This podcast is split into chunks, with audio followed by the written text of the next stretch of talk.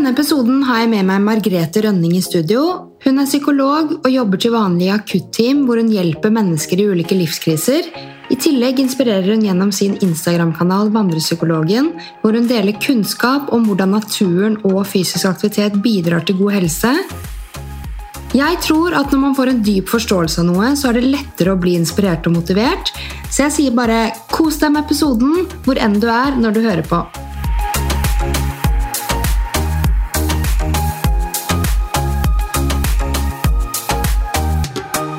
Men eh, jeg føler jo at mange syns det er vanskelig å se det langsiktige eh, når de skal finne motivasjon. da. Ja, og det tror jeg det er mange som kjenner igjen nå. ikke sant? Fordi eh, sånn som nå Når vi er kommet inn i et nytt år, 2023, så er det veldig mange som setter seg mål sånn ok, jeg skal trene fire ganger i uken fordi jeg vil se bra ut i sommeren f.eks. Mm. Og så går det kanskje, ser man kanskje ikke noe um, endring. da kortsiktig. For vil, vi mennesker er veldig eh, opptatt av å finne raske løsninger og se raskt resultat. Mm. Um, men hvis vi prøver å tenke på alt det kroppen vår liksom får til hele tiden eh, Vi klarer å gå eh, den, den, fjellturen, klarer å gå på langrenn eller klarer å leke med barna våre så vil vi kanskje heller tenke sånn å, dette vil jeg fortsette med. Jeg ønsker å fortsette å kunne være en aktiv mor, en aktiv uh, tante. Mm. Um, jeg har lyst til å kunne fortsette å gjøre nye ting og mestre de tingene som jeg prøver på. Så er det kanskje enklere å dra på og og trene litt styrke da, for å slippe å få vondt i ryggen eller mm. bli hindret. Da. Men hvorfor er det så mange som ikke eh, tenker egentlig på eh, at alderdommen kommer, og at det er en motivasjon i seg selv? Det er nok også, det kan jo også godt hende at det blir for langt frem i tid igjen. Sånn, hvis jeg skal tenke selv, da, så syns jeg det er vanskelig å spare til pensjon nå, f.eks. Eh, tenke sånn Å, jeg må spare til pensjon fordi um, ja, det er for lite gjennom eh, offentlig helsevesen, på en måte. Mm. Eh, så på samme måte så kan man jo tenke seg at det, litt, det blir for, litt sånn for langt frem i tid å tenke at jeg skal være en sunn og sprek 80-åring. Men hvis man tenker kanskje ett år frem i tid, eller bare, bare den uken her, at jeg tenker alt jeg får til. Tenk at jeg kan gå til bussen, tenk at jeg kan sykle hvis jeg vil det. Um, at man får til å stå opp liksom, hver dag. De små tingene som man uh, får til. At man ønsker å opprettholde det og fortsette å kunne gjøre det i årene som kommer. Da, mm. da tenker jeg Takknemlighet er jo viktig. da, ja. Å være takknemlig for at kroppen faktisk fungerer. Uh, for tenk hvor mange som kunne ønske at de var i vår situasjon, og vi tar det for gitt at vi kan gå i sand i Syden, mm. eller kjenne vannet eh, suse inn mot tærne, ja. eller løpe i fjellet. Absolutt, og det er jo litt sånn eh, Det har jeg snakket en del om på eh, Instagram også, men dette med å være i naturen og bruke naturen som eh, et sted å være fysisk aktiv.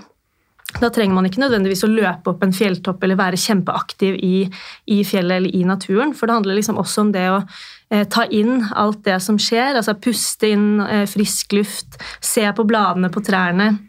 Og da ser man at de som setter pris på det, de som setter pris på en soloppgang og en solnedgang og nordlys og liksom disse tingene, de har også en bedre um, helse, da, eller bedre livskvalitet, fordi de klarer å sette pris på de de tingene som jeg er omgitt av. Det gir så mening, for jeg mm. føler meg veldig til, eh, tilfreds i livet. Og jeg gjør som regel alltid det, selv om man har dårlige dager. Men jeg er sånn som elsker soloppganger, solnedganger. Mm. Se på bladene blåse. Eh, jeg mm. finner veldig ro med det. Eh, og det gir meg en sånn glede. De små tingene som naturen mm. kommer med. da. Og det som er fint med det, da, hvis noen hører på og tenker sånn åh, fader, men jeg er ikke sånn, da har jeg dårlig livskvalitet, eller da er jeg doomed, på en måte så er jo det noe man kan øve seg på. Um, og det handler jo liksom om å prøve å begrense sanseinntrykk når du går på tur. Prøv å unngå å snakke i telefonen, f.eks. Gå alene uten musikk og prøv å være observant. Mm. Legg merke til det som skjer rundt deg, og så um, ja. Gode råd. Uh, mm. Faktisk at man kan øve seg på det. fordi ja. som du sier, det er nok mange som tenker at de Eh, jeg har jo aldri stoppet opp og sett på trærne, eller, eh, mens noen andre bare her. det er det jeg gjør når jeg går i skogen eller er i fjellet.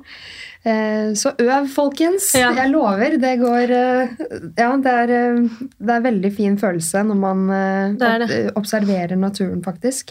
Og noe angående det igjen, da, hvis jeg bare skal legge til noe mer, det er jo dette med noe som kalles for sånn ærefrykt. At hvis vi ser noe som er liksom veldig mye større enn oss selv, f.eks. nordlys eller stjerneskudd eller en helt sånn rød eh, rødmalt himmel pga. solnedgang, så kan vi kjenne på dette at vi er, liksom, vi er no, en del av noe veldig veldig mye større. Mm. Og da vil jo de problemene vi kjenner på som kan ta veldig stor plass, de blir kanskje mye, litt mindre. Fordi vi merker at ok, jeg er jo en del av noe som er så utrolig stort, som jeg ikke helt klarer å fatte og forstå og begripe.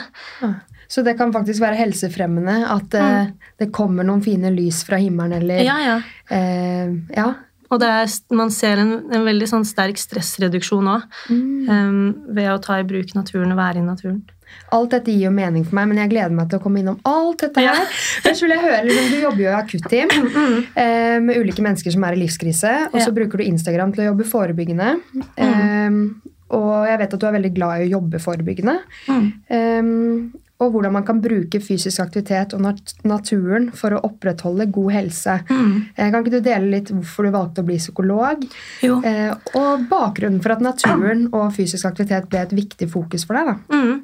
Da går jo på en måte alt tilbake til hvordan jeg har vokst opp. Eh, Jeg har en far som er nevrolog, så da er han jo lege med spesialitet innenfor nervesystemet og hjernen. Sykdommer der.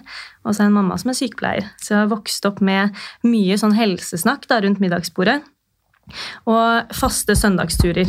Det var liksom alltid turer ut på søndager, uansett vær og vind. Og, ja.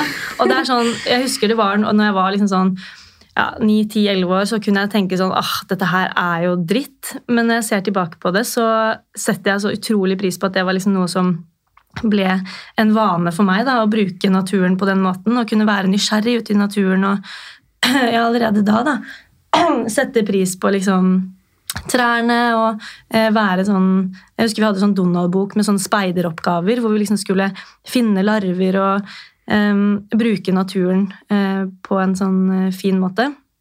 Eh, så jeg har, liksom, jeg har alltid satt veldig pris på å bruke naturen både sånn på fjelltur og langrenn og alpint og liksom alt mulig. Um, så da jeg var ferdig på videregående, så um, skjønte jeg fort at det var et eller annet innenfor helse eh, jeg ville jobbe med, men akkurat hva det var jeg litt usikker på, om jeg skulle bli sykepleier eller lege eller, eh, eller psykolog. Men fant ut at det var hjernen jeg liksom syntes var mest interessant. Eh, og jobbet med MS, en eh, multiple sklerose. Var pleieassistent på et rehabiliteringshjem der. Og syntes da det var kjempespennende dette med å kunne hjelpe de pasientene med å finne noe livskvalitet eller livsglede. Så da bestemte jeg meg for at det var eh, psykolog jeg skulle bli. Um, og gjennom studieløpet egentlig så visste jeg ikke helt hvilk, hva slags type psykolog jeg kunne tenke meg å være, men har liksom med tiden um, prøvd å jobbe på BUP og med rusavhengighet, og nå i et akutteam, uh, og brukt Instagram da som en sånn plattform for å fremme dette med forebyggende tiltak som vi alle kan gjøre. Mm. Um, så jeg har fortsatt ikke funnet ut liksom, akkurat hva jeg vil drive med innenfor uh, psykologi og psykisk helse, men uh, brenner både for det akutte med mennesker i akutte kriser og suicidalitet og psykose. Men um, vi vet jo liksom med tanke på hvordan samfunnet er bygget opp i dag, at det er flere som sliter med psykiske lidelser og psykiske vansker enn det det offentlige helsevesenet kan hjelpe til med. Så vi er nødt til å finne eh, egne måter å håndtere psykiske vansker på, fordi det er ikke mulig å hjelpe alle i et eh, helsevesen. Og det er din terapiform eh, fysisk aktivitet og natur. Ja. Eh, for jeg så jo på Folkeopplysningen, tror jeg det var, at det, det finnes jo utallige terapiformer. Eh, og så er det vel enkeltmennesket som vurderer selv hva som passer for dem, eller? Mm. Og det syns jeg er kjempespennende i, i min rolle som psykolog. Det er at man må hele tiden tilpasse seg det mennesket som kommer i terapi. Um, og jeg tenker jo at man kan være litt sånn eklektisk, som det kalles. At man kan ta litt uh, metoder fra ulike eh, terapiretninger. Ja. Eh, og der kan det hende at det er folk som er uenig med meg i det. Eh, men at man kan ta noe fra kognitiv eh, terapi, og så kan man ta noe fra metakognitiv terapi, eh, og noe fra emosjonsfokusert, og på en måte Mikse og trikse litt. ja, tilpasse det til eh, klienten som kommer, Ja. eh, for at det skal gi mening. Um, og det er jeg kjempe, kjempeopptatt av uansett hvem det er som kommer til meg, og hele tiden eh, undersøke om det gir mening og eh, er av betydning. Da. I hvert fall når det er sånn i spesialisthelsetjenesten at man har ja. Du kaller deg vandrepsykologen, og jeg vet at walk and talk therapy har blitt veldig vanlig i USA. Mm. Og Central Park har blitt et eh, kontor for psykoterapeuter. Og, men så har jo samtaler i bevegelse eh, vart egentlig ganske mange år. Mm. Men det er veldig få norske, har jeg lest, som eh, gjør det i praksis. da, Ta med eh, pasientene sine ut i samtale. Mm. Eh, jeg har lest også at eh, Aristoteles gjorde det, Sokrates, Platon. Eh, her er jeg oppdatert. Ja, ja, ja. Hvorfor tror du at det, er så få som syns det Eller som tar med pasientene sine ut på tur? Jeg tror det kan virke litt skummelt, kanskje, å gå på en måte vekk fra det vante og trygge. Der en psykolog har kontoret sitt, kjenner seg komfortabel. Eh, det er liksom det man har gjort i alle, alle år. Eh, at det å vike fra det kan virke litt sånn eh, skremmende og litt for nytenkende, kanskje. Eh, samtidig så vet vi jo at det er veldig mange pasienter som eh, føler seg mer klare til å åpne seg raskere. Eh, de føler seg tryggere. Eh, dette med at det er åpent, at det ikke er lukket. Da- føles man mer likeverdig med terapeuten. Um, og at det er dette med at man slipper den øyekontakten. Det er ikke et bord imellom. Eh, det er flere ting som er positivt da, ved å gå ute. Så det, grunnen til at jeg også ble veldig, eller ønsket å starte den vandrepsykologen, var at da jeg bodde i Narvik som, og startet som psykolog, så jobbet jeg med rus og avhengighet. Og der var det morgentrim hver morgen. Åh, Og da, ja, det var helt fantastisk. Eh, og da kunne vi som eh, behandlere og psykologer vi kunne være med på den eh, gåturen om morgenen. Og de pasientene kunne velge helt selv hvor langt de ville gå. Og om de ville snu etter 50 meter og bare gå rundt rundkjøringen, men de skulle ut. Og da la jeg merke til hvor eh, noen av de pasientene som jeg kunne ha i samtale, og det hadde gått litt trått på, på kontoret, så ble jeg med de ut, så løsna det liksom ganske raskt. Altså det ble en sånn type icebreaker, og jeg ble med i en annen setting. Jeg var ute og gikk tur. Jeg ble kanskje litt ufarliggjort òg, fra den rollen som psykolog. Når man kommer inn, det står psykolog på døren, Ja. og liksom inn døren, og sett deg ned, og det står sånn papir og Så jeg tror det kan eh, være litt eh, tryggere, rett og slett, å bruke naturen og gå tur. Bare praten går litt enklere. Mm. Bruker du denne metoden i møte med dine pasienter nå? eh, I eh, akuttmottaket? Eller nei, ikke akuttmottak, men Nei. akutteamet? I akutteamet så gjør vi ikke det, og der handler det jo i, i stor grad om å eh, ivareta og stabilisere mennesker i, veldig store kriser. Eh, hvor det handler om å eh, sikre mat, sikre søvn, eh, sikre trygge rammer, rett og slett. Eh, så de første dagene så kan man jo tenke seg at det de trenger, er liksom fullstendig ro og hvile. Men hvis det er pasienter som For jeg har- også pasienter på um, poly, som poliklinisk med, fra allmennpoliklinikken. Og da kan jeg eh, anbefale de å liksom bruke em, ja, fysisk aktivitet som en del av behandlingen. Og det som, men det som er litt uheldig sant, med sånn allmennpoliklinisk, det er at man møtes 45 minutter én gang i uken. Og så er det jo alt det som skjer imellom, som er så innmari viktig for at det skal skje en endring eh, hos pasienten. For det er jo ikke bare de 45 minuttene som er sånn 'nå blir du frisk fra depresjonen din'. på en måte. Det er alt det som skjer imellom. Hvordan skaper man endring da? Nei, det, I og, eget liv? ja, og det er jo dritvanskelig. Eh, fordi vi skulle jo helst ønske at vi bare bestemte oss, og så var det sånn. Eh, men det handler om å gjentatte ganger ta bevisste valg. ikke sant? Fordi de valgene vi tar hver eneste dag, det blir jo til vaner. Så en vane er at vi pusser tennene hver morgen og kveld. Eh, at vi drikker kaffe på morgenen. Eh, det er jo vaner. Um, og for at det skal bli en vane og ikke et slitsomt valg som vi må ta hver eneste dag, så må vi gjøre det liksom gjentatte ganger. Er det vist hvor lenge man må pushe seg til å eh, Ja. tvinge seg ut døra, da, før det faktisk eh, blir en sånn derre Ok, Vane, dette likte liksom. jeg. Ja. Ja, De sier vel at det er sånn mellom seks og åtte uker eller noe sånt, tror jeg. eh, uten at jeg skal være helt 100% sikker på det. Men det skal være over ganske lang tid. Det er jo sånn, Etter man har satt et nyttårsforsett, så sier de jo ofte at den 17. januar, eller liksom ca. to-tre uker etter 1. januar, da, så er det liksom årets blåeste blåmandag, for da skjønner folk at ah, jeg klarte det ikke i år heller. liksom. Um, men eh, det handler jo bare om Ikke bare, for det er jo litt sånn Men det handler om å ikke gi opp. Prøve på nytt. um, Og her tror jeg det er viktig å ha veldig god sånn støtte av nettverket rundt seg òg, for mm. å kunne gjøre endringer. For man klarer som regel ikke å gjøre endringer helt på egen hånd. Man trenger liksom noen å dele oppturer og nedturer med, og, mm. som kan være en støtte. da. Men jeg har også inntrykk av at folk venter litt på at motivasjonen skal bare ramle inn. Mm. ikke sant? Det skal være 1. januar, det skal alltid være en mandag, eller mm. eh, eh, bare jeg venter til den datoen, så kommer motivasjonen. Men så har jeg hørt deg si før da, at eh, det å bare anerkjenne at man ikke alltid har lyst, mm. er en bedre måte å komme i gang på ja. eh, med fysisk aktivitet, fremfor å vente på at motivasjonen skal komme. Ja, fordi det er jo ganske interessant, for vi har noe som kalles dopamin, som er en sånn motivasjon, en drive, mm. for at vi skal fortsette med det vi driver med. Eh, og et rusmiddel som eh, på, eh, gir oss veldig mye dopamin, det er kokain. Mm. Men istedenfor å ta kokain, for det er ikke så veldig positivt, så eh, ser vi at f.eks. mat og sex det er to ting som også fremmer dette med dopamin. Og det er jo for at vi skal fortsette med det vi driver med. Eh, hjernen vår vil jo at vi skal overleve. Eh, og da eh, vil ikke Dopamin vil ikke komme før vi begynner med en aktivitet. Så dopamin kommer mens vi har sex, det kommer mens vi spiser, mm. og det kommer mens vi trener. Mm. Og mens vi studerer og holder på med noe vi kommer til å mestre og skal fullføre. Mm.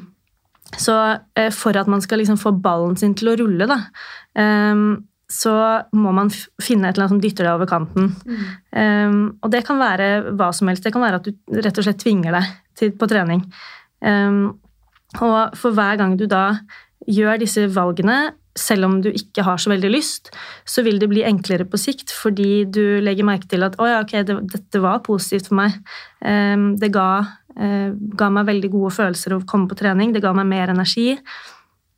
ja, alt mulig sånn positive ting. Men jeg syns det var så bra at du sa det at, eh, at man bare kan anerkjenne at man ikke alltid har lyst. Fordi ja.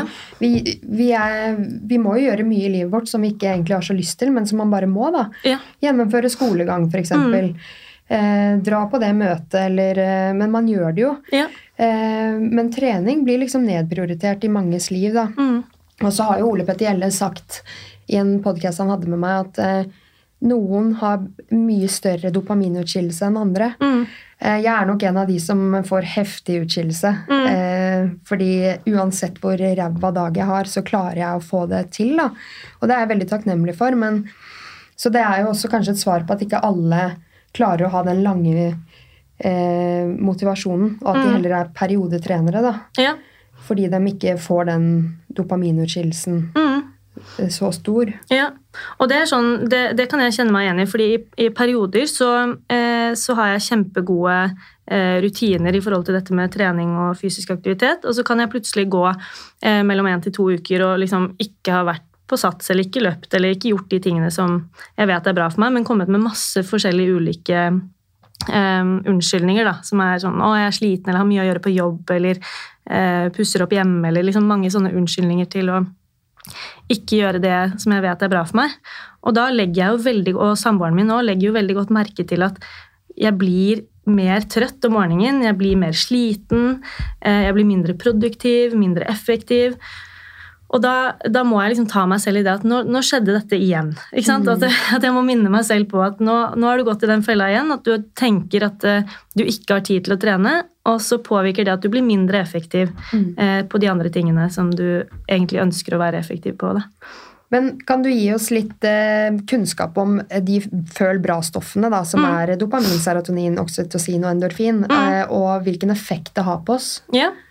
Altså, eh, Serotonin da, det er jo det som man kaller som sånn føl bra-stoff. Altså, sånn, det er jo det som på en måte definerer humøret ditt, hvordan du har det. Eh, og det blir i stor grad påvirket av maten du spiser, eh, og trening f.eks. Hva du driver med, hvordan du bruker tiden din. Og så er jo oksytocin det er jo det som mange kaller for dette kjærlighetshormonet. Det handler om trygghet, nærhet, eh, lidenskap. Eh, og et tips for å øke utskillelsen av oksytocin, det er å klemme mer. Ja. Eh, bruke god tid om morgenen på å klemme partneren din, klemme barna dine. Eh, og det trenger bare å være så lite som ti sekunder, men det å liksom klemme litt ekstra når du kan, det er kjempebra for parrelasjoner. Mm. Så man vet jo at når man føder barn og man ammer i starten, så handler det jo mye om dette at man skaper trygghet, relasjon, nært bånd. Omsorg eh, ved å skille ut oksytocin. Da. Det er så fascinerende.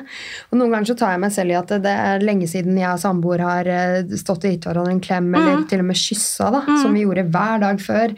Eh, så noen ganger, så, Senest i går faktisk, så sa jeg til han jeg bare, Gard, nå må vi eh, bare få en lang klem nå, Ja. fordi nå har vi ikke vært nær hverandre på en stund, da.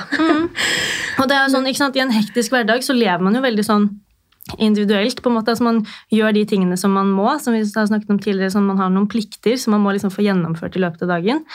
Og, og så unngår man å gjøre ting som egentlig tar veldig kort tid, men man tenker at ah, det krever så mye. Så det handler jo ikke om at man må sette av en hel kveld for å eh, være tett hele kvelden, men det er dette med å bare ta ett minutt liksom, på morgenen. eh, før man går, eller eh, før man legger seg om kvelden. Eh, det krever egentlig ikke så mye, men vi, ofte tenker vi sånn å nei, vi har ikke tid, og så har vi mer enn nok av det, hvis vi prøver å være bevisst på det. Dopamin og endorfiner, da. Ja, endorfin det er jo sånn som er typisk sånn runners high. Det er sånn kroppens morfin. Eh, og det, eh, det er jo som gjør at vi blir, får mindre smerte, mindre stress. Eh, og eh, det, det er jo mange som sier at nei, men jeg kjenner ikke en dritt på endorfin av å løpe. liksom, Jeg syns bare det er slitsomt. Men det, det er det at du må løpe en, en liten stund for at du skal kjenne på den effekten av, av endorfin. da. Eh, og der er det jo en som heter Endorfinlegen, tror jeg. Hun har skrevet en bok om dette med eh, Den er kjempegod. Den eh, ga jeg bort til en av følgerne mine på Instagram, husker jeg. Men, eh, men der skriver hun om ulike måter å eh, få seg sånn kick, endorfinkick på en eh, rask måte. Og det er f.eks. løpe intervaller. Det er jo det noe mange syns er veldig kjedelig. Da. Men du kan jo også bare danse lenge på gulvet. på en måte, Få litt sånn høy puls, bli svett og sliten. Eh, så vil du kjenne på at du får en endorfineffekt Mm. som virker smertestillende og stressdempende. Ja, Det gir jo mening sånn eh, i helsevesenet òg, da. At mm. prøve å få pasientene til å kjenne på den Ja, endorfinkicken, siden det er, er smertelindring i det, da. ja, ja, absolutt. Så det var det mange av de pasientene som jeg drev med i rusbehandling, eh, som hadde hatt avhengighet til eh, opiater, f.eks., som er ja, eh, morfin videre, heroin og sånn. Eh, som sa det at eh, i starten så syntes de bare det var slitsomt å gå på tur, og eh, de følte ingen effekt av det i det hele tatt.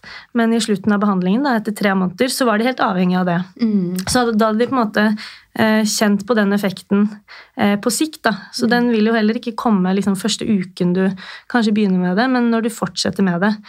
Eh, og der er jo dopaminen. Ikke sant? Det er jo det som motiverer oss til å fortsette. Ja. Um, og den eh, da, da må vi begynne for at vi skal kjenne effekten av Belønning, dopamin. Belønning, ja. Mm. Mm. Så da, jo mer vi blir belønnet, jo mer fortsetter vi. Eh, så vi er nødt til å komme litt i gang for at vi skal kjenne på motivasjonen og for at vi skal kjenne på belønningen når vi har mestret det. Mm. Men endorfiner, er det eh, smertelindrende både psykisk og fysisk? Ja, Ja. det kan man si at det er. Ah. Mm. Men eh, Så dette her er eh, De skilles ut på ulike måter, disse. Ja.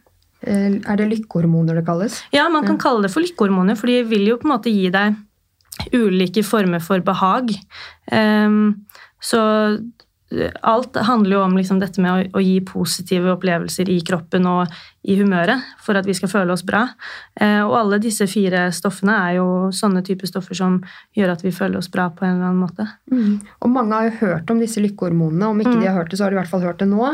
Eh, og vi vet hvor bra fysisk aktivitet er for oss. Eh, man har ikke fulgt med helt i timen hvis man ikke har fått med seg Nei. det.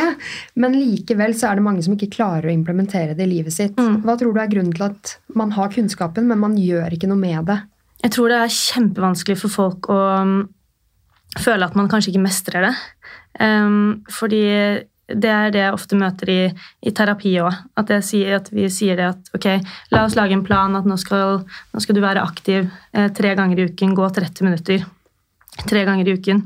Og så kommer de tilbake, og så er, kan de være kjempeskuffet og lei seg for at ikke de har fått det til. Og så prøver jeg å si at dette er kjempevanlig, eh, men prøv å finne grunnen. Hva er, disse, hva er tankene du får som gjør at du ikke gjør det?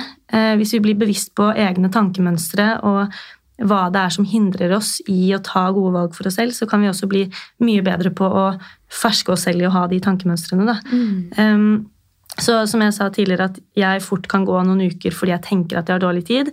Jo oftere det har skjedd, jo mer bevisst blir jeg også på at nå lurer jeg meg selv. Nå, nå sier hjernen min at sofaen frister. Mm. Og det er fordi vi er veldig opptatt av å ha det behagelig. Mm. Eh, Så vi søker behag eh, over ubehag. Eh, Og hvis vi tenker på trening som et sted hvor det er ubehagelig å være, Mm. så vil vi jo unngå det. Eh, Og heller sette oss på sofaen og spise noe digg, liksom. Kan ikke du dele forskjellen på å være psykisk sliten og fysisk sliten? Ja, og her er det jo Her kan folk også tenke at dette, nei, dette er jo helt feil. og det forstår jeg og kan være uenig i, men fordi kropp og hjerne, det henger sammen. Eh, er, vi er ett, dette sinnet og kroppen. Men hvis vi tenker at vi en dag på jobb eh, hvor vi har sittet eh, stille på en kontorpult hele dagen, så kan vi bli utrolig sliten i hodet. Eh, Men det vil ikke være den samme type sliten som om vi har løpt eh, et halvmaraton eller maraton eller gått en fjelltur eller sånne type ting. Fordi når vi er slitne på jobb og slitne mentalt, så vil ikke det på en måte kanskje være like sånn mestringsfølelse som om vi har gått en fjelltur eller legger oss i senga etter vi har løpt en lang tur og kjenner at vi bare er sånn ah, dette fikk jeg til. Så når vi er slitne mentalt, så kan vi også være litt mindre motstandsdyktige. Eh, Som vi kaller for sånn resiliens. Eh, Og det handler jo om å være motstandsdyktig mot eh, eh, ting som kommer utenifra, eller stress eller påkjenninger da, utenifra. Men for å øke denne resiliensen igjen, så kan vi jo være fysisk aktive. Fordi kroppen vår har jo ikke brukt noen type energi i løpet av hele dagen. Eh, Så for å få tilbake energi, og for å, få- for å bli mindre sliten, mentalt sliten, så kan vi være fysisk aktive. Eh, Og på den måten liker jeg å, skille mellom dette å være psykisk sliten og fysisk sliten. Em, og da snakker jeg jo ikke om hvis man f.eks. er eh, utmattet, altså hvis man har utmattelsessyndrom eller type ME eller eh, andre type ting, for da henger det veldig mye mer sammen. Men for mennesker som er normalt friske, så eh, er det veldig stor forskjell på dette å være sliten etter en dag på jobb, og dette med å være sliten etter å ha vært på trening. Eh, så det er altså lurt å liksom minne seg selv på at sliten, ok, men hva slags sliten er jeg egentlig? Og hva er det kroppen min trenger for å få mer energi akkurat nå? Ja, for da er det mange som eh, etter en dag på jobb tenker at fy søren, nå skal jeg hjem og se Netflix. Mm. Legge meg på sofaen. Så får man masse stimuli som egentlig går rett i pappen. Mm. Eh, der og, mange mener jo at det, å se på Ex on the Beach eller noe, det er hjernedødt og veldig behagelig, fordi Mm. da bruker man ikke hjernen. Men da tenker du at det, da er det bedre at man gjør seg fysisk sliten ved å ta seg en liten tur ut eller Ja, dra på treningssenter. Absolutt, og eh, det, det er jeg kjempeopptatt av. fordi ved å se på en skjerm så får du utrolig mye stimuli. Du sitter stille i en verden som beveger seg i en ekstrem hastighet. Men hvis du går ut, så beveger du deg i liksom en sånn stille verden, hvis det gir mening. Så hodet ditt får ro, rom til å tenke, til å planlegge, problemløsning. La oss si at du har sittet på jobb og hatt en skikkelig sånn krevende oppgave som du ikke vet helt hvordan du skal løse, så kommer du hjem og ser på Ex on the Beach, og det er fullstendig kaos. Ja. så vil ikke hjernen din få mer rom til å løse problemene som de har. Da. Og det var jo det Aristoteles som du nevnte tidligere, Ja. var veldig opptatt av. Dette med å bruke naturen til å løse problemer og filosofere og tenke. Mm, og at man ser nytt på ting. Altså, Det er ikke det at det å trene eller bevege seg løser problemet du står i, men man, det gjør at man ser annerledes og kanskje ja, problemløsning da, eh, på en helt annen måte. Um, og Sokrates og Platon har jeg lest eh, mente at den var den beste måten å frigjøre seg fra forutinntatte oppfatninger og holdninger på. For vi har jo mye forutinntatte holdninger. Masse. Og det er jo skremmende, egentlig. Eh, Det møter man nok på oftere enn man ønsker at man har det. Ehm, Så det, å, det også handler jo om å være bevisst på det. Jeg liker jo å tro at jeg ikke er dømmende, men så tar jeg meg selv i å være det noen ganger. Yeah. Og det kan sikkert alle kjenne seg igjen i, men eh, hvordan tenker du at man kan på en måte eh, jobbe med å ikke ha et bilde av en person som du egentlig ikke kjenner? Eh, fordi vi, vi skaper også mange meninger gjennom et bilde eller sosiale medier da, av en person. Ja. Og så kan det være helt feil. Ja. Nei, jeg liker jo eh, veldig godt eh, Jeg bruker jo ofte ordet bevisst, men ikke sant, dette med å bevisstgjøre seg egne tankemønstre. Vi, med en gang vi eh, merker at vi får en sånn forutinntatt holdning om et menneske som vi egentlig ikke kjenner i det hele tatt, så er vi jo med på å bestemme hvordan vi møter det mennesket også. Da kan vi tape veldig mye nyttig informasjon og mange nyttige og hyggelige relasjoner hvis vi går rundt med sånn, noen briller da, som sier hvordan alle er før vi har snakket med dem. Mm. Eh, og jeg er jo også redd for det ofte at folk skal se på meg på en viss måte fordi jeg er psykolog, eller fordi jeg er fra der jeg er fra. At, så jeg ønsker jo liksom hele tiden at folk skal møte meg med et åpent sinn. Eh, og på lik måte så er det viktig at jeg møter andre med det samme åpne sinnet. Mm. For vi taper utrolig mye um, informasjon og kunnskap hvis vi tenker at jeg skal kun omgås mennesker som er som meg. Mm. Um, så det er veldig Og titler er jo med på å gjøre det enda mer sånn Da er hun sånn, og mm. han er sånn, og ditten og datten. Enten man er psykolog, sykepleier, influenser mm. Altså alle sånne titler. Det er ja. med på liksom bare Å ja, han er sånn, ja. Hun mm. er sånn, ja. Eh, og jeg, eh, bare det at sånn som jeg som er sykepleier, får ofte høre da hvis noen har skada seg, f.eks. Mm. Um, eller har en eh, sykdom som jeg nesten ikke har hørt om engang, så er det sånn ja, men du er jo sykepleier, så bare se på det her. Og så er jeg sånn Men sykepleierfeltet er så stort, mm. og jeg er veldig glad i eh, den psykiske delen av sykepleie, mm. relasjonsbyggingen, den biten. Eh, jeg, det er jo en grunn til at jeg ikke jobber med skader mm. og sår, f.eks. Ja. Sårbehandling. Altså det, er, det er ikke my cup of tea. og når folk er sånn der, Se på den fingeren jeg har kutta meg nesten helt og så blir jeg bare sånn Um, dette har ikke jeg jobba med før. Nei. Og jeg bare føler at folk tenker at du er sykepleier, du, mm. dette tar du. Så er jeg bare sånn Nei, jeg gjør ikke det. Jeg, jeg, har aldri vært interessert i sårstell. Nei. Og selv om jeg på en måte må kunne det grunnleggende, så er det ikke noe jeg jobber med. Nei. Og det er jo fordi jeg vet hva jeg vil innenfor sykepleieryrket. da. Mm. Så titler, altså, det er um... Ja, men det er det, det er, og det er veldig skremmende, egentlig, hvis man um, gjør seg selv klar over uh, hvor ofte det kanskje skjer. Um, så, så, her handler det jo liksom om å være bevisst og ikke nødvendigvis uh, være litt sånn undrende da, til hvor er det dette kommer fra. Hva er det som gjør at jeg har de tankene? Mm. Ofte så kan vi jo gå mot å være veldig sånn kritisk uh, til oss selv eller til andre som har andre holdninger. Men uh, det er også veldig glad i dette med å være undrende, både til egne tankemønster og andres, da er det mye enklere å gjøre noe med det. Hvis vi mm. møter oss selv med åpent sinn og nysgjerrighet. Mm. Undring har vokst med meg. Jeg har alltid vært nysgjerrig på mennesker. Mm. Men det å undre meg over at Å ja, hvorfor tenker hun eller han sånn? Mm. Det har kommet med årene. fordi ja. før kunne jeg være veldig sånn at det jeg tenker, er riktig. Mm. Og liksom, jeg var litt sånn der uh, tunnelsyn på, på ting, da. Eh, ikke alt, men jeg har bare lært meg at vet, vi kommer fra forskjellige steder. Vi har ulike oppvekster. Vi har mm. hatt ulike omsorgspersoner. Ja. Eh, og det er med på å forme oss og få folk til å se annerledes på ting. da. Ja. Noen har søsken, noen er enebarn. Altså, alt sånt der er jo med på å gjøre at man ser mm. ulikt på verden. på en måte. Ja. Men så føler jeg også at vi mennesker er ganske like til syvende og sist. da. Ja, og det er jo det vi er. Um så hvis man klarer å liksom skrelle den løken med alle de lagene med tittel og utdanning og familie og kultur og sånn, så har vi jo i bunnen ofte ganske like verdier. Um, det, det, kan jo selvfølgelig variere, men vi ønsker å være gode og snille mennesker. Uh, vi ønsker å være der for de som uh, betyr noe for oss. Um, ja, det er jo liksom det. Og så uh, er det jo veldig Det også er så viktig å huske på at det er menneskelig å gjøre feil.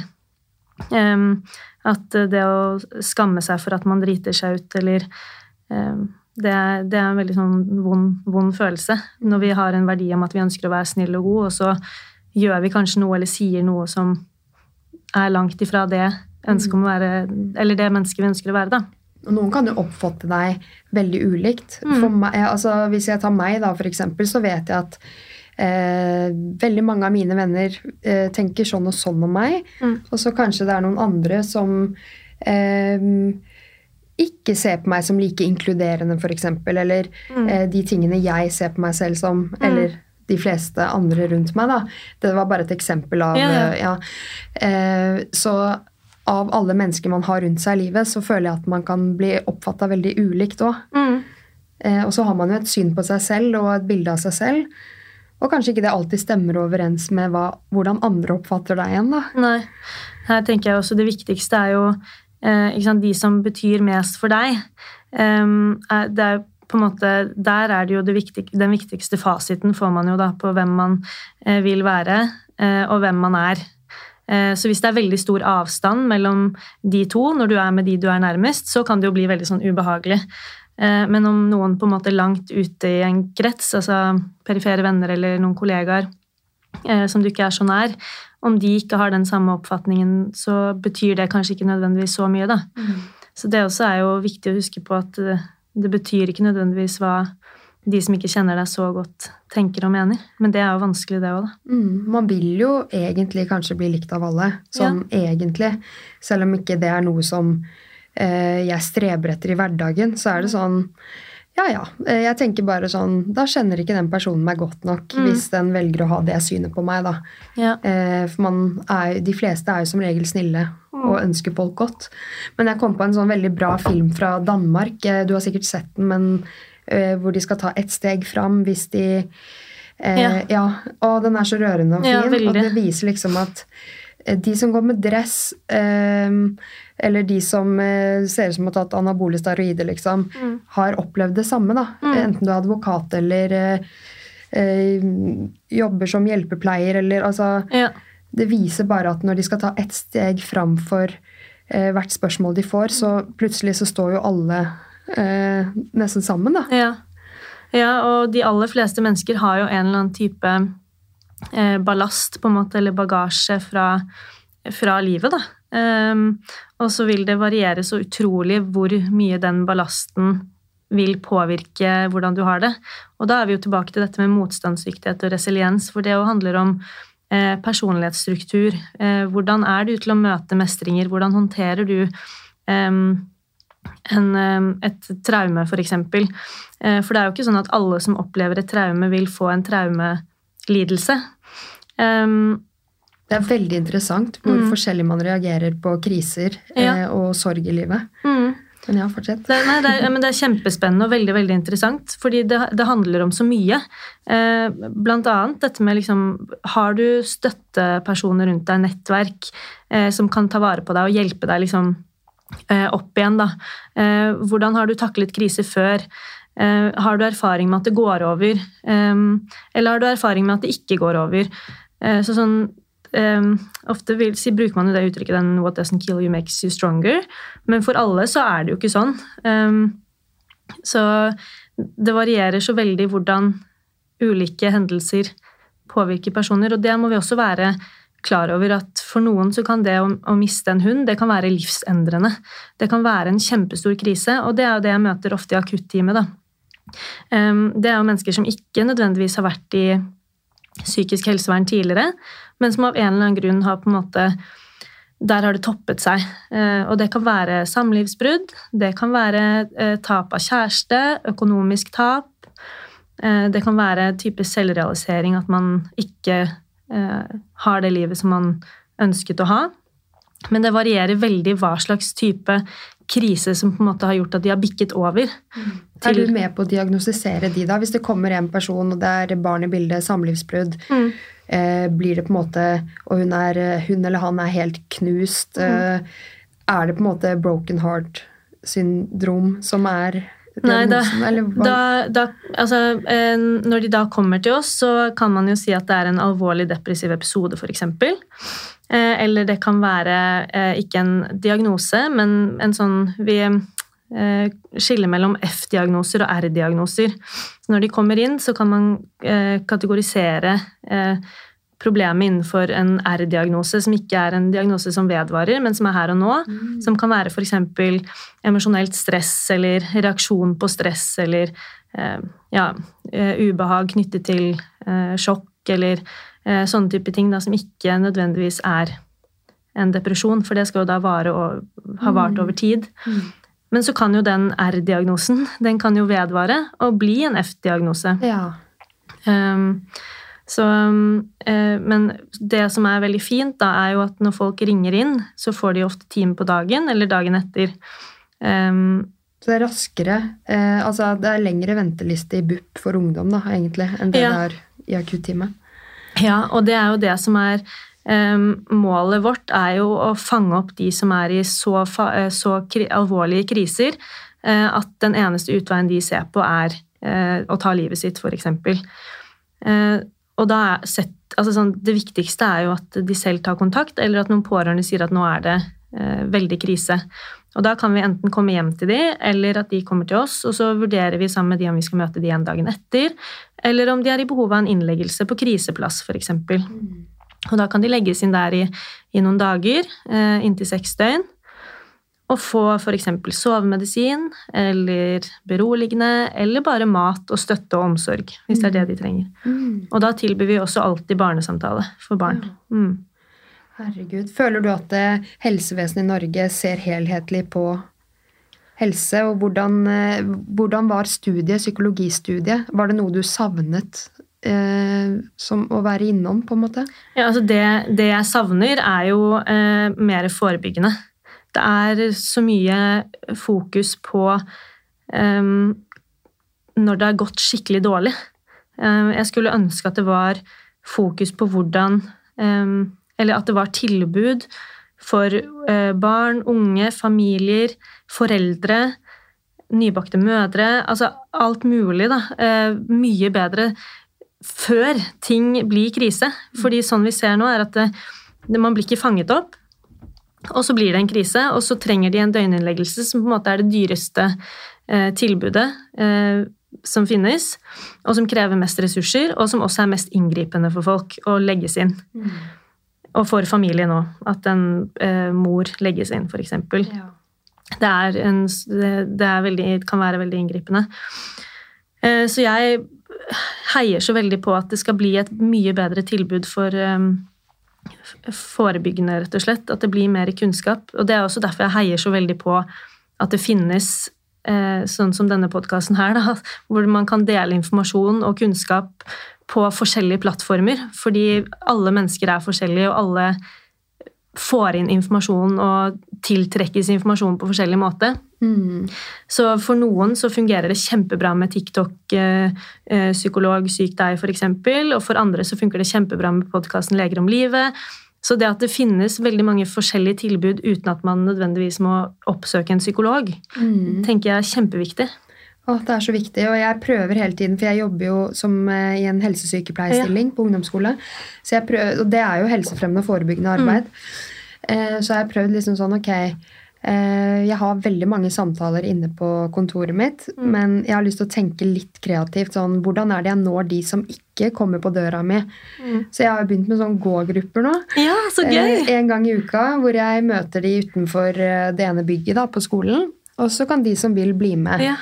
Eh, nå er vi jo ganske tidlig i januar, så det er jo ikke sånn at eh, eh, jeg skal gi opp bare fordi det møter opp eh, fem eller seks stykker. Men det har vært folk som møter opp hver gang, og det Mm. eh, blir jeg så glad for. da. Eh, fordi det er så stor variasjon mellom de som kanskje er litt stille, og de som faktisk er litt, eh, blir sett på som bråkemakerne. Ja. En god miks. Og bare det å gå en tur istedenfor å sitte inne i friminuttet eller føle seg ensom. Da føler jeg liksom ok, kanskje dette er måten å nå ut til flere på, da. Mm. Så kult at du gjør det. Ja, jeg, jeg er jo så glad i frisk luft og fysisk Ja, ja. aktivitet selv. Det er jo derfor du er her. Ja. Eh, Vinn-vinn. Ja, at vi liksom kan belyse det temaet Mm. sammen. og eh, Det er ikke det at jeg er ekspert på området, men jeg er veldig interessert i det. Mm. Eh, og har veldig troen på eh, Ja. at eh, bevegelse, trening Ja. Eh, Jeg er tenker jo, bra. sorry, nå avbrøt jeg, men jeg tenker jo sånn friminutt som man hadde da man var liten, og kastet liksom, eller hadde kanonball eller spilte fotball i friminutt og hadde liksom 45 minutter pause. Det burde man liksom egentlig fortsette med. Ja. Eh, arbeidsgivere og sånn nå burde legge mye mer til rette for at eh, man kan få inn fysisk aktivitet i løpet av arbeidsdagen. At ikke man blir sitte, eller stillesittende i åtte timer, liksom. Eller mer. Um, Hvorfor er det ikke flere som gjør det, da? Er det, må det gjennom noe sånn derre Er det ikke lov å på en måte få en time til å trene i arbeidstiden? Jeg tror det for mange uh, For mange så krever nok det også litt sånn um, innsats og omstrukturering av tankemønsteret sitt. Da. For man tenker ofte at nei, jeg har ikke tid til det, det rekker jeg ikke i løpet av arbeidsdagen. Jeg må liksom få gjort det jeg skal. Jeg må komme tidlig og dra tidlig, så jeg kan komme hjem tidlig. Men så vet vi jo det at bare fire minutter eh, aktivitet og hopp og dans eh, det vil øke oppmerksomheten og konsentrasjonen i opptil en halvtime time etterpå. Mm. Så hvis man prioriterer noen form for bevegelse, eh, så vil vi bli mer effektive de resten av dagen. Men jeg tror det krever en del for folk å tenke at hvis de bruker en halvtime, så da tenker man kanskje at det tar fra arbeidstiden, da, at man må sitte lenger på jobb, men det tror jeg ikke er realiteten. Mm. Jeg husker Ole Petter Gjelland holdt foredrag for oss i Asker, da. oppe på Norefjell. Og eh, så var han sånn Ja, er dere klare for pause? Og liksom Noen hadde kanskje lyst til å gå ut og trekke luft eller bare bli sittende på plassen sin og sånn. Han bare Nei, nå skal alle gjøre sånn som jeg sier. Og så sto vi plutselig der og bare strakk på armer og strakk Ja, på ja. bein, og det var fullt opplegg i fem minutter. Og han bare sånn, da var pausen over. Ja. Og jeg tenker sånn, hvorfor, eh, hvorfor bare ikke gjøre det, da, istedenfor å sitte Mm. mer eh, i pausen? Ja. Jeg tror det, det krever faktisk at det blir litt sånn endringer fra ledelsen av. At det er, at, eller at det er noen som går inn og eh, bestemmer at de endringene skal gjøres. Mm. For det også er så vanskelig på individnivå å bestemme seg for at nå skal jeg gjøre det. Ja, det er jo det. Ja, så det, det trengs på en måte endringer i, i måten samfunnet er strukturert og bygget opp, og forventninger som vi har da, til, til en arbeidshverdag. Um, jeg vet jo også at det er, det er venninner jeg har som eh, jobber innenfor finans og sånn. Hun er kjempeflink til, og de er veldig gode på å trene midt på dagen. Og, um, og eh, uansett på en måte hvor sliten hun er, eller hvor mye hun har å gjøre, så, så trener hun midt på dagen. Og det tror jeg handler om at de som kollegaer også er Det forventes på en måte av hverandre at de, de gjør det, da. Mm. Um, så det er Ja. Men kan du, eh, bare sånn at eh, vi får skikkelig kunnskap her nå om Mm. hvilke helsegevinster gir det oss å være i kontakt med naturen? Altså, Hva er det som er godt dokumentert? Det er rett og slett, ikke sant, Når vi blir stressa, så får vi økt kortisolnivå, og det er negativt på sikt. Hvis vi er ute i naturen, så senkes disse. Vi får mindre angstreaksjoner i kroppen, mindre eh, symptomer på depresjon, stress. Og så handler det om dette med eh, planlegging, organisering, eh, som jeg snakket om litt tidligere. Vi er mye bedre på problemløsning, mye bedre på her og nå, være i, i nuet. Eh, dette med mindfulness er jo veldig, veldig godt dokumentert, men det kan være vanskelig for folk å sette seg ned i stua og gjøre mindfulness, for da er det så mange distraksjoner som skjer hele tiden. Hvis du går ut i naturen, så vil du eh, uten å måtte tenke 'nå skal jeg være mindful', så, er, så vil du på en måte være mer mindful i, i naturen. Mm. og så er det også bevist at bare det å ha utsikt til natur, at det er, eh, at det er positivt. Ha utsikt til grøntområder, eh, blader, skog, fjell, sjø. At det gir oss positive effekter. Da, eller gevinster.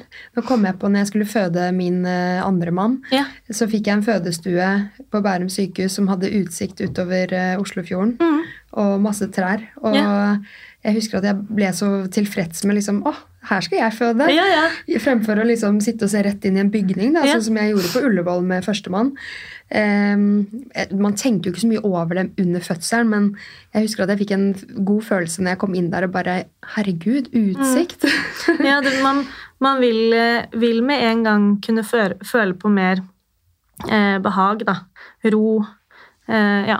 Generelt mindre stressreaksjoner ja. eh, i, i kroppen. Da. Kan du det, gi oss litt kunnskap om nevrotof, eh, nevrotrofiner? Ja. Eh, så vi får en større eh, forståelse av hvordan fysisk aktivitet påvirker hjernen vår? Ja, og det er kjempespennende, fordi jeg husker da jeg vokste opp, så spilte jeg fotball. Og hadde en pappa som sa du må ikke nikke ballen så mye, for da mister du hjernecellene. Oh, ja. i- Ja, ja. Er det sant? Eh, ja, og det var det. Jeg, har jo gått, eh, jeg gikk jo veldig lenge og tenkte på det at jeg må beskytte hodet mitt, og jeg kan ikke slå hodet mitt fordi um, da jeg, da blir jeg dummere og dummere og dummere for hver gang. Og det ligger jo noe sannhet i det. Uh, man skal unngå hjernerystelser på en måte gjentatte ganger og slag mot hodet. Men det som ikke er sant, det er at du aldri kan reparere eller fornye hjernecellene i hjernen din. Er ikke det ganske nyere forskning? Jo. Da? Og det, er jo sånn, eh, og det var derfor pappa da jeg var liten, for jeg er jo født i et tidlig, tidlig 90-tall. Så på slutten av 90-tallet eh, så fant de dette med at eh, fysisk aktivitet, og spesielt da når du får opp pulsen og får lakt, hva heter det, laktat, ja, mm. melkesyre, da, mm. så er du med på å produsere noe som heter nevrotrofiner, og da spesielt det som kalles for BDNF, brain derived et eller annet. Mm. Eh, viktigst er å huske BDNF, eh, som er med på å reparere og stimulere til vekst av nerveceller i hele hjernen. Og BDNF den er viktigst eh, når det kommer til reparering og eh, altså dette med å eh, gjøre synapsene, altså kommunikasjonen mellom hjernecellene, raskere. Spesielt i den delen av hjernen som handler om hukommelse.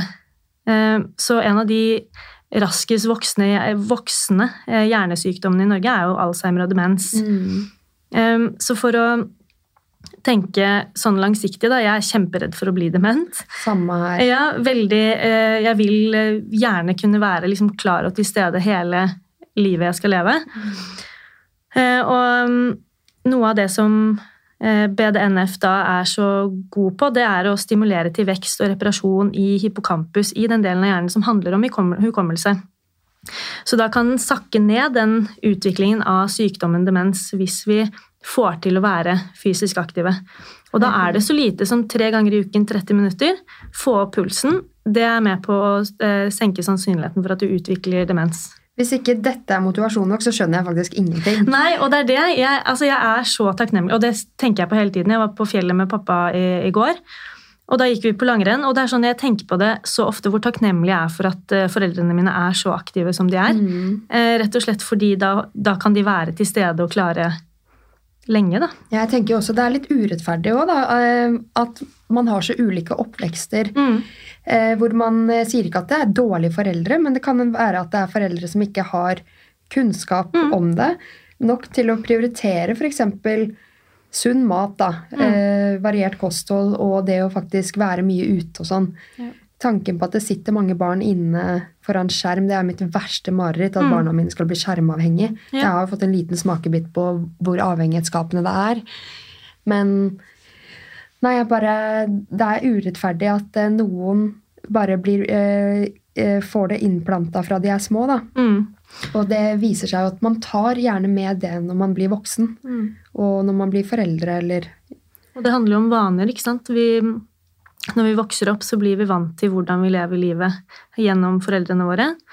Um, og fortsetter ofte med det, uh, med mindre man på en måte aktivt velger å gjøre noen endringer på det selv. Um, og der er jo uh, skolen og arbeidslivet viktige på en måte faktorer som kan være med på å påvirke. Da. Fordi på individnivå så er det kjempevanskelig å ta gode valg. Mm. Eh, både når det gjelder mat og helse. Det er kjempevanskelig. Ehm, men på, i et folkehelseperspektiv så vil det være kjempenyttig, både økonomisk, ehm, men også for at generelt befolkningen skal ha det bedre. Eh, å gjøre endringer som gjør det vanskeligere å spise usunt, f.eks. Som gjør det lettere å være aktiv. Ehm, det vil være en vinn-vinn-situasjon for alle. Er det så vanskelig å øke prisene så det blir dritdyrt med en frossenpizza, da? Og så kan man heller ha kjempebillig frukt og grønt, liksom? Er det så vanskelig? ja, jeg skjønner. Altså, det er jo bare Det var vel bare Jeg husker om det var i fjor eller i forrige fjor, så, så uh, senket de jo prisene på, på sukker og sånn. Um, og da husker jeg at jeg reagerte så veldig på det, fordi uh, det er så vanskelig å si nei til uh, de tilbudene som kommer i godteridisken, eller når vi står i kassa og er kjempesultne. Det er dritvanskelig. Um, og det er jo ikke det at jeg skal skyve alt ansvaret over på, på, på andre, men det er dette med å gjøre, gjøre det enklere da, for folk flest å ta gode valg. Uh, det vil påvirke alle positivt. Mm. Eh, men så brukes jo fysisk aktivitet i behandling av psykiske plager sammen med andre behandlingsformer mm. Eh, eller metoder. Eh, kan du dele eksempler på hvor dette har stor effekt i behandling? Ja, Spesielt da med tanke på depresjon. Milde og moderate symptomer på depresjon. Så har fysisk aktivitet minst like god effekt som antidepressiva. Antidepressiva har jo i tillegg ganske mange eller kan ha ganske mange uheldige bivirkninger. Fysisk aktivitet har ikke det. Nei. Eh, fysisk aktivitet er også kjempegod eh, behandling for angst. Eh, det å kunne være Få opp pulsen, kjenne på mestring ved å ha noen av de lignende symptomene som man kan få under et angstanfall, f.eks., og mestre det. Um, eh, samtidig som kroppen vil over tid venne seg til um, den type respons, og ikke nødvendigvis tenke at det er en skummel og farlig respons. Men det, det er, uh, fysisk aktivitet har vist seg å være kjempeeffektivt for depresjon og angst.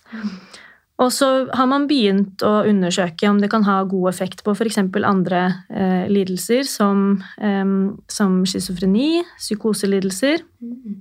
Eh, og det er jo kjempespennende å se om det, om det kan ha en god effekt. Mm. Og så er det jo eh, Jeg husker bare fra sykepleien at mm. alle sykdommer da, som var med hjerte-kar, mm. kreft Livsstilssykdommer generelt. Ja, det var bare sånn Eh, fysisk aktivitet var med på å forebygge. Mm. Fysisk aktivitet. Eh, det mm. står jo på alt. Det gjør det. Samtid og samtidig så er det jo ikke noe eh, sånn på DPS der jeg jobber, eh, eller på akuttime, akutteamet, så eh, er det ingen fysisk aktivitet-gruppe, på en måte. Og det har jeg jo tenkt på flere ganger at i helsevesenet så og i spesialisthelsetjenesten, hvor vi er opptatt av å formidle dette med at fysisk aktivitet er kjempeviktig, samtidig som vi vet at det er vanskelig å motivere seg selv for å komme i gang, så finnes det ikke noe tilbud. Mm.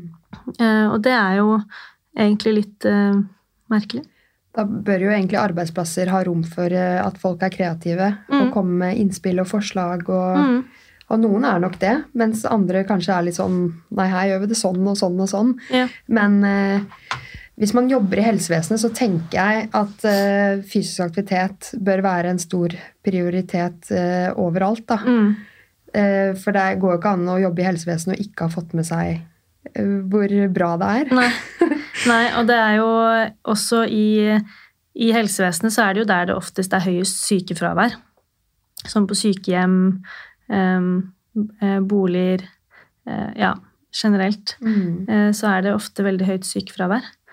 Um, og det er jo ofte da forbundet med stress, lite bemanning osv., men også helt sikkert at det blir lagt lite til rette for at man kan være aktiv eller ta selvivaretakelse i løpet av arbeidsdagen. Eller. Mm. Det er det jeg elsker med den stillingen jeg har nå, fordi mm.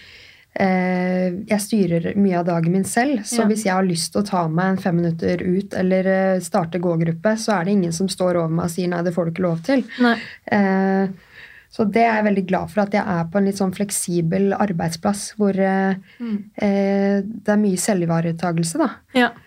Og det ser man jo egentlig ganske tydelig i, um, i arbeidslivet. Nå snakker jeg mest om sånn for psykologer og sånt, da, men det er veldig mange som verdsetter dette med uh, muligheten til å styre egen hverdag. Ikke bli begrenset av krav, um, pakkeforløpkode Altså mye sånne krav da, som kommer fra oven om at dette skal du gjøre i løpet av en arbeidshverdag, og så føler man ikke helt at man mestrer det eller får det til eller har rom til å gjøre det du, som du blir stilt krav til. Og da vil det jo dessverre på sikt føre til at flere søker etter private um, foretak eller starter for seg selv eller mm. um, fordi man kjenner at man ikke får gjort uh, nok av det som er bra for en, da. Mm. Men så er det ikke sånn at vi har meldeplikt til å dele alt uh, på sosiale medier og sånn. Men uh, hvor viktig tenker du at det er med åpenhet rundt psykisk helse? Det tenker jeg er kjempeviktig, og da er vi litt inne på det som jeg snakket om i stad, at alle mennesker er så utrolig forskjellige. Så om jeg hadde delt noe om hvordan jeg har det, så kan det hende at jeg treffer ti stykker da, som kjenner seg, eh, kjenner seg igjen i meg, eller um, ja, tenker at det jeg sier, var nyttig for de. Men for eh, fire millioner andre så kan de trenge fire millioner andre mennesker på en måte mm. til å kjenne seg igjen i. Uh, fordi vi er så forskjellige. Uh, så jeg hyller åpenhet og vil jo liksom helst se enda flere menn out there. Fordi vi så jo det at med en gang det var en sånn leder som, som var åpen om at han hadde slitt med depresjon, så fikk han jo et, utrolig mange meldinger og Eh, eh, om at folk kjente seg igjen og hadde kjent på det samme, men ikke hadde noen som hadde delt om, om det tidligere. Er det en som har vært fremme i media? Ja, han som jobbet i Veidekke. Mm. Jeg husker jo ikke hva han, jeg husker aldri hva han heter. men, øh, men, jeg tenker uansett liksom øh, Ja, hva man holder på med, eller hvem man er, eller om man er mann eller dame eller ung eller gammel, så er det fint å, å være åpen. Altså selvfølgelig til en viss grad, da. Men Mm. Man må jo kjenne at det er behagelig, eller at det er greit for en selv også. Mm. Men eh, ja, vi er så mange forskjellige mennesker i, i Norge og i verden Mm. at det, det er ikke alle som passer for alle. Hvordan tenker du vi kan treffe menn, da? For jeg, jeg fikk med at Aksel Inge Sinding eh, startet noe prosjekt, Vandrepsykologene, Mm. Mann deg opp, Ja. eh, som de gjennomførte for fjerde år på rad i fjor. Mm. Eh, hvor de tilbydde menn to gratis terapitimer vandrende, da. Mm. Eh, men den ble veldig fort fullboka, så de måtte jo stenge ned eh, påmeldingen. Mm. Og vi vet at menn er i flertall når det kommer til både selvmord og rus og hele pakka. Eh, kanskje ikke hele pakka, men Jo, men det er mye. nesten sånn, da. Det er jo på en måte alle de kjipe eh, statistikkene er jo menn eh, en, en topp av. Mm. Um, så eh, jeg også er kjempenysgjerrig på hvordan man kan treffe menn på best mulig måte. Fordi det er jo en sånn eh, forutinntatt holdning, nesten, eh, om at eh, menn skal klare seg og eh, skjerpe seg og 'jeg skal ikke ha det på denne måten', eh, som fortsatt står ganske sterkt hos mange, selv om det er mer åpenhet og absolutt mer forståelse nå enn det var for ti år, ti år siden. Men så er det nok for enkeltindividet eh, vanskeligere å si at jeg har det tøft og har det vanskelig. At man skal manne seg opp og tøffe seg. Og, um, så her òg tenker jeg jo, jo flere menn som uh, er åpne og viser sårbarhet i forhold til egne vansker, jo bedre og lettere vil det også være for uh, andre menn å kunne si at sånn har jeg det. Mm. Men sånn som han Aksel Inge Sindig gjorde, det syns jeg var helt et strålende tiltak, fordi eh, sant, det å, å komme på en dør hvor det står psykolog, og nå skal jeg snakke om følelser, og Ja. det, det kan virke veldig sånn unaturlig og kleint for mange menn, tror jeg. Eh, eh, så det å, å gå en tur ut i naturen i stedet eh, er, kanskje, er enklere. Det er liksom eh, lavere eh, Ja, mindre Det blir litt da. mer nedpå. Ja, litt Ja. mer nedpå. Eh, Jeg kan se for meg at det blir litt mer sånn i framtiden. ja, og jeg håper jo det. Jeg, det er jo, eh, på sikt så håper jeg jo å kunne, eh, kunne holde på med det. Eh, tilby det. Mm. Eh, bålterapi, for eksempel. Altså Herregud. noe eh, som er mer naturlig og litt enklere for folk flest å, å møte på. Da. Mm. Jeg merker jo at du er lidenskapelig opptatt av det temaet. her. Ja. Hva er eh, drømmen din videre? Nå sa du jo litt, da, men hva, Mm. har du noe du ser for deg at et mål som innenfor det du driver med? Altså, eh, målet mitt er å kunne holde på med dette her så, så, lenge, så lenge jeg kan. Um, hjelpe mennesker, forebygge. Jeg har kjempelyst til å kunne drive på med ins altså Instagram, eh, sånn at det blir min jobb. Um, og da med tanke på å liksom tilby bålterapi, vandreterapi, um, gjøre noe som er annerledes enn det som finnes fra før. Um, skape et nytt uh, marked. Det er på en måte den store drømmen. Mm. Fordi det å gå i terapi på et kontor, det er ikke for alle.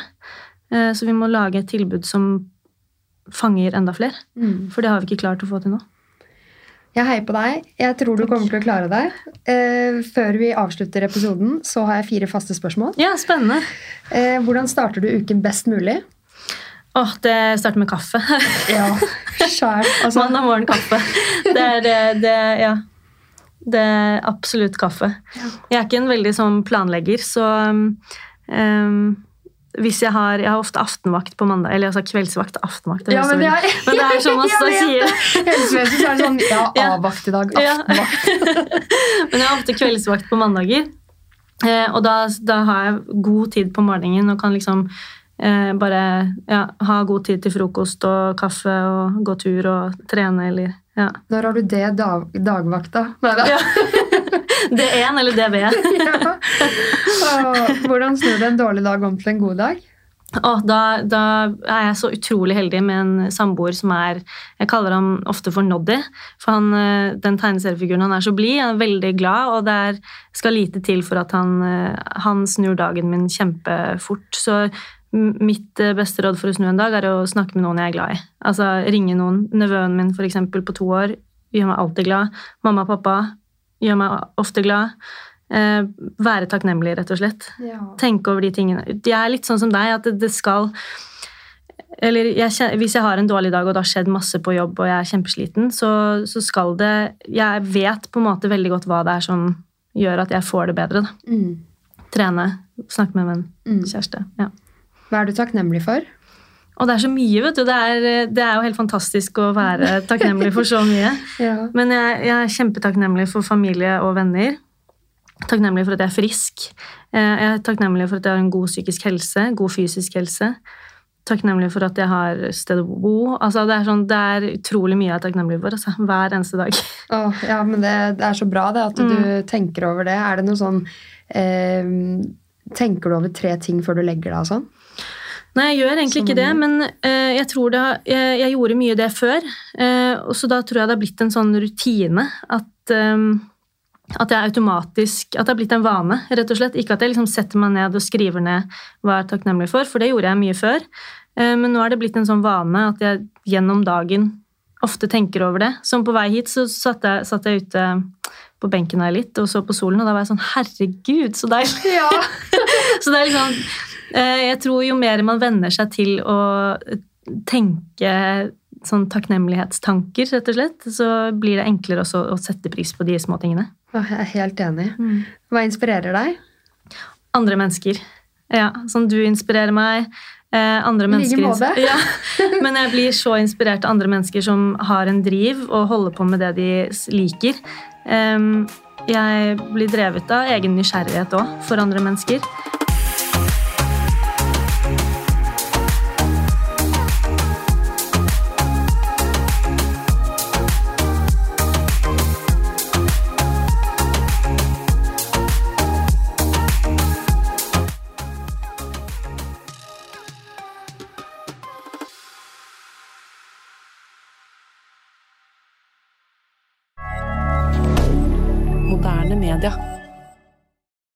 Har du et enkeltpersonforetak eller en liten bedrift? Da er du sikkert lei av å høre meg snakke om hvor enkelt det er med kvitteringer og bilag i fiken, så vi eh, gir oss her, vi. Fordi vi liker enkelt. Fiken superenkelt regnskap.